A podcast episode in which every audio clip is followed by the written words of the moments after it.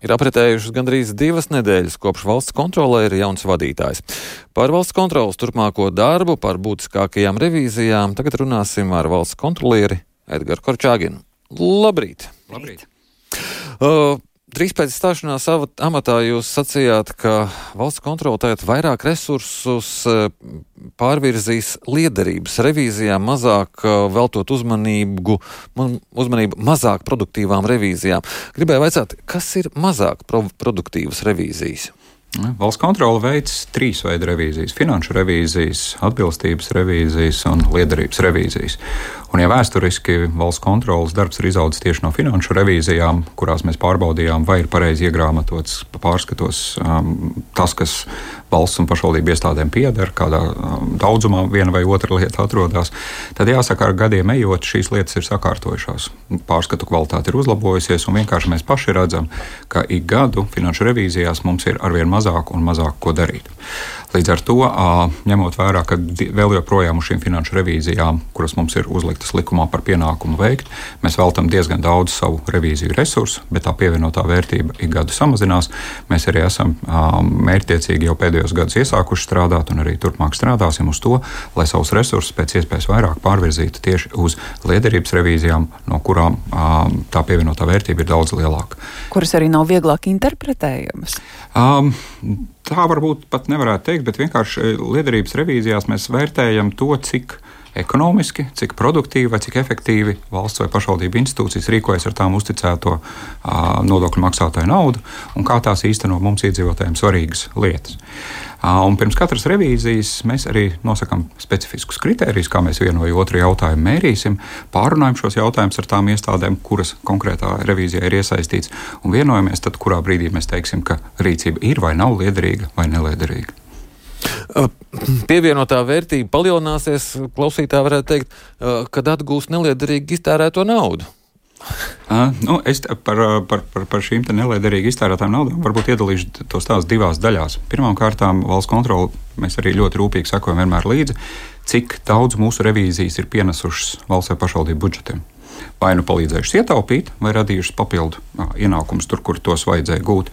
Un šobrīd tas cipars ir tāds, ka uz katru uz valsts kontrolas darbību iztērēto eiro mūsu revīzija rezultātā valsts vai pašvaldību budžeti iegūst 5,6 eiro. Tad 5,6 reizes vairāk um, līdzekļu tiek radīti valsts kontrolas revīzija rezultātā. Kā jūs to konstatējat? Ieviešot ieteikumus, mēs sekojam līdzi, kā tiek ieviesti mūsu ieteikumi. Un, piemēram, es nezinu, gluži nesen mums pašvaldības sāka ziņot pēc vienas no mūsu revīzijām, kā tās ir pārskatījušas atbilstoši mūsu piedāvātajai metodikai, cik daudz uz kādu funkciju ir nepieciešams darbiniekus pēc administratīvas teritoriālās reformas. Un mēs redzam, ka teiksim, tur ir samazināts 10 slodzes, tur ir samazināts 14 slodzes un tā tālāk. Un tā joprojām. Un faktiski šie visi optimizējošie darbi uh, rada pašvaldībā budžetos ietaupījumus simtos tūkstošu eiro apmērā. Nu, šādā veidā mēs no revīzijas uz revīziju, no ieviest ieteikumu uz ieviest ieteikumu, kopā ar valsts pašvaldību iestādēm arī aplēšam savu darba ietekmi. Bet otrs stāsts ir uh, par to, kur uh, nepilnus piecus gadus atpakaļ saima valsts kontrolē uzticēja funkciju noteiktos gadījumos arī veikt piedziņas ja ir nelikumīga rīcība rezultātā iz, izšķiesti valsts vai pašvaldību līdzekļi, un ja pašas iestādes to nedara, tad valsts kontrole var iestāties. Šo darbu mēs arī jau veicam. Nu, jau vairāk kā trīs gadus ir tādi faktiski, faktiski aktīvi procesi. Ir ierosināts 19 lietas par vairāk kā 200 tūkstošu eiro lielu apmēru piedziņu. Un jau uz šo brīdi aptuveni 100 tūkstošu eiro apmērā jau brīvprātīgi šīs atmaksas ir veiktas. Jūs sacījāt, ka pārskatu kvalitāte uzlabojusies, tāpēc tās finanšu revīzijas īsti vairs nav nepieciešams. Bet eh, šķiet, ka to nevar teikt Reizeknas gadījumā. Tur tā pārs, tie pārskati, es saprotu, ir tādi, ka jūs pat nevarējāt saprast, kur gals, kur sākums, un tā arī netikāt līdz galam skaidrībā. Jā, Reizekne, es drīzāk teiktu, tas laikam ir izņēmums, nevis, nevis, nevis kā kopēja tendence. Un, un, un tiešām tajā brīdī, kad mēs gan no Finanšu ministrijas, gan no Vides aizsardzības un reģionālās attīstības ministrijas, un arī paši vērtot savu informāciju, redzējām, ka riski Reizeknes pašvaldības finanšu uzskaitē ir pietiekami lieli. Tad sākām, kā saka, ārkārtas režīmā steidzīgu revīziju, lai saprastu, kāda ir situācija un sniegt atbildes faktiski uz diviem svarīgiem jautājumiem šajā brīdī. Pirmais ir tas, kāds ir patiesais pašvaldības saistību apmērs. ar kuru ir jārēķinās gan šajā, gan nākamajā un vēl turpmākajos gados. Un otrs ir izvērtēt pašu budžeta veidošanas procesu Rezeknas pilsētas pašvaldībā, lai saprastu, kā var būt tā, ka daļa saistību, daļa informācijas faktiski nav iebudžetēta, iekļauta un nav skaidrības par to. Nu, šo revīziju jā, mēs, mēs, mēs nesen noslēdzām un faktiski konstatējām, ka gan saistības nav uzrādītas visā apmērā pārskatā, kā tām vajadzēja būt uzrādītām par vairāk nekā 13 miljoniem eiro. Mēs redzējām, ka ir pārkāpumi budžeta veidošanas procesā, kur piemēram pēdējiem gada trīs mēnešiem pat faktiski nebija iebudžetēti nepieciešamie naudas līdzekļi, vairāk 8 miljonu eiro apmērā. Vēl bija citādi procesā arī pieļauti pārkāpumi. Līdz ar to Reizeknei nu, ir ir daudz darāmā. Neradās trešais jautājums, vai nav finanšu krāpniecība, ko uh, uzrādīt uh, Bartaševičam? Um, jāsaka, ka šīs revīzijas laikā jau vairākas tiesība aizsardzības iestādes ar mums sazinājās uh, to ierosināto procesu ietvaros, lūdzot informāciju valsts kontrolē, kuru mēs esam revīzijai ieguvuši.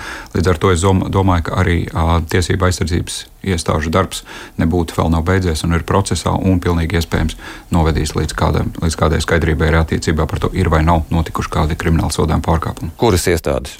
Korupcijas novēršanas un apkarošanas birojas un valsts policija. Mhm. Vēl viens skandāls, par kuru arī no jums var sagaidīt slēdzienu par premjerministru lidošanu ar privātajām lidmašīnām. Jā, tā, pie šī jautājuma mēs arī šobrīd strādājam. Vienkārši kā reiz mums bija aktīva revīzija, kuras ietvaros mēs šo jautājumu arī varējām pārbaudīt. Šis darbs vēl turpinās, un mēs ceram janvāra mēnesī arī darbu pabeigt. Nu, ko šobrīd jau ir izdevies ieraudzīt, varbūt? Šobrīd notiek vienkārši informācijas ievākšanas un analizēšanas posms, un tādu konkrētu rezultātu, par kuriem varētu ziņot, vēl šobrīd nav.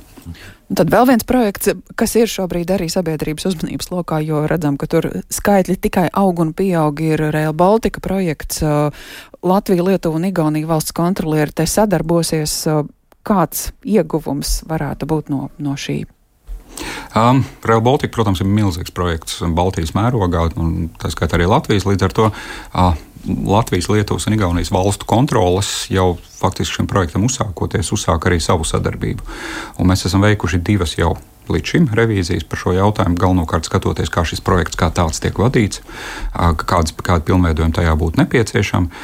Un, jums taisnība, nesen mēs noslēdzām vienošanos par kārtējo revīziju, kuru mēs uzsākam tagad un ceram nākamā gada no nu, ap pusgadu arī, arī noslēgt. Faktiski šoreiz uzmanības centrā ir tie jautājumi, kas, kas, kas sabiedrībā virmo un uz kuriem īsti nav atbilžu.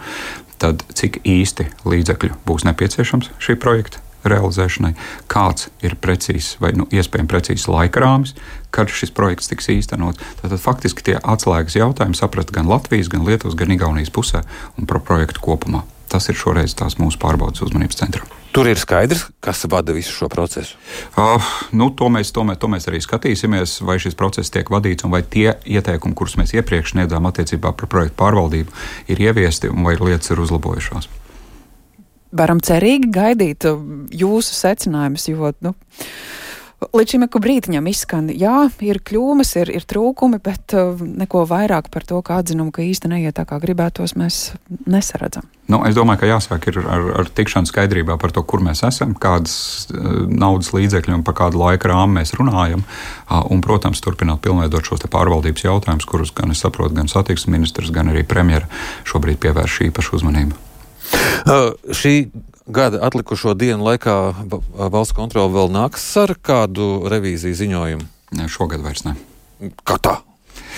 Nu, tikko, tikko pabeidzām darbu pie Rezeknes, bet, protams, darbs vairāk kā 40 revīzijās turpinās, un tuvākās revīzijas mēs publiskosim jau nākamā gada sākumā par administratīvos naudas sodu izpildes jautājumu, par to, kā pašvaldības pārvalda sev uzticētos meža resursus, piedarošos meža resursus, nu, un, protams, jūs jau iepriekš pieminētais jautājums par šiem te, lidojumiem. Jā, liels paldies jums par uh, šo sarunu. Mūsu studijā bija valsts kontrolieris Edgars Korčāgins. Paldies!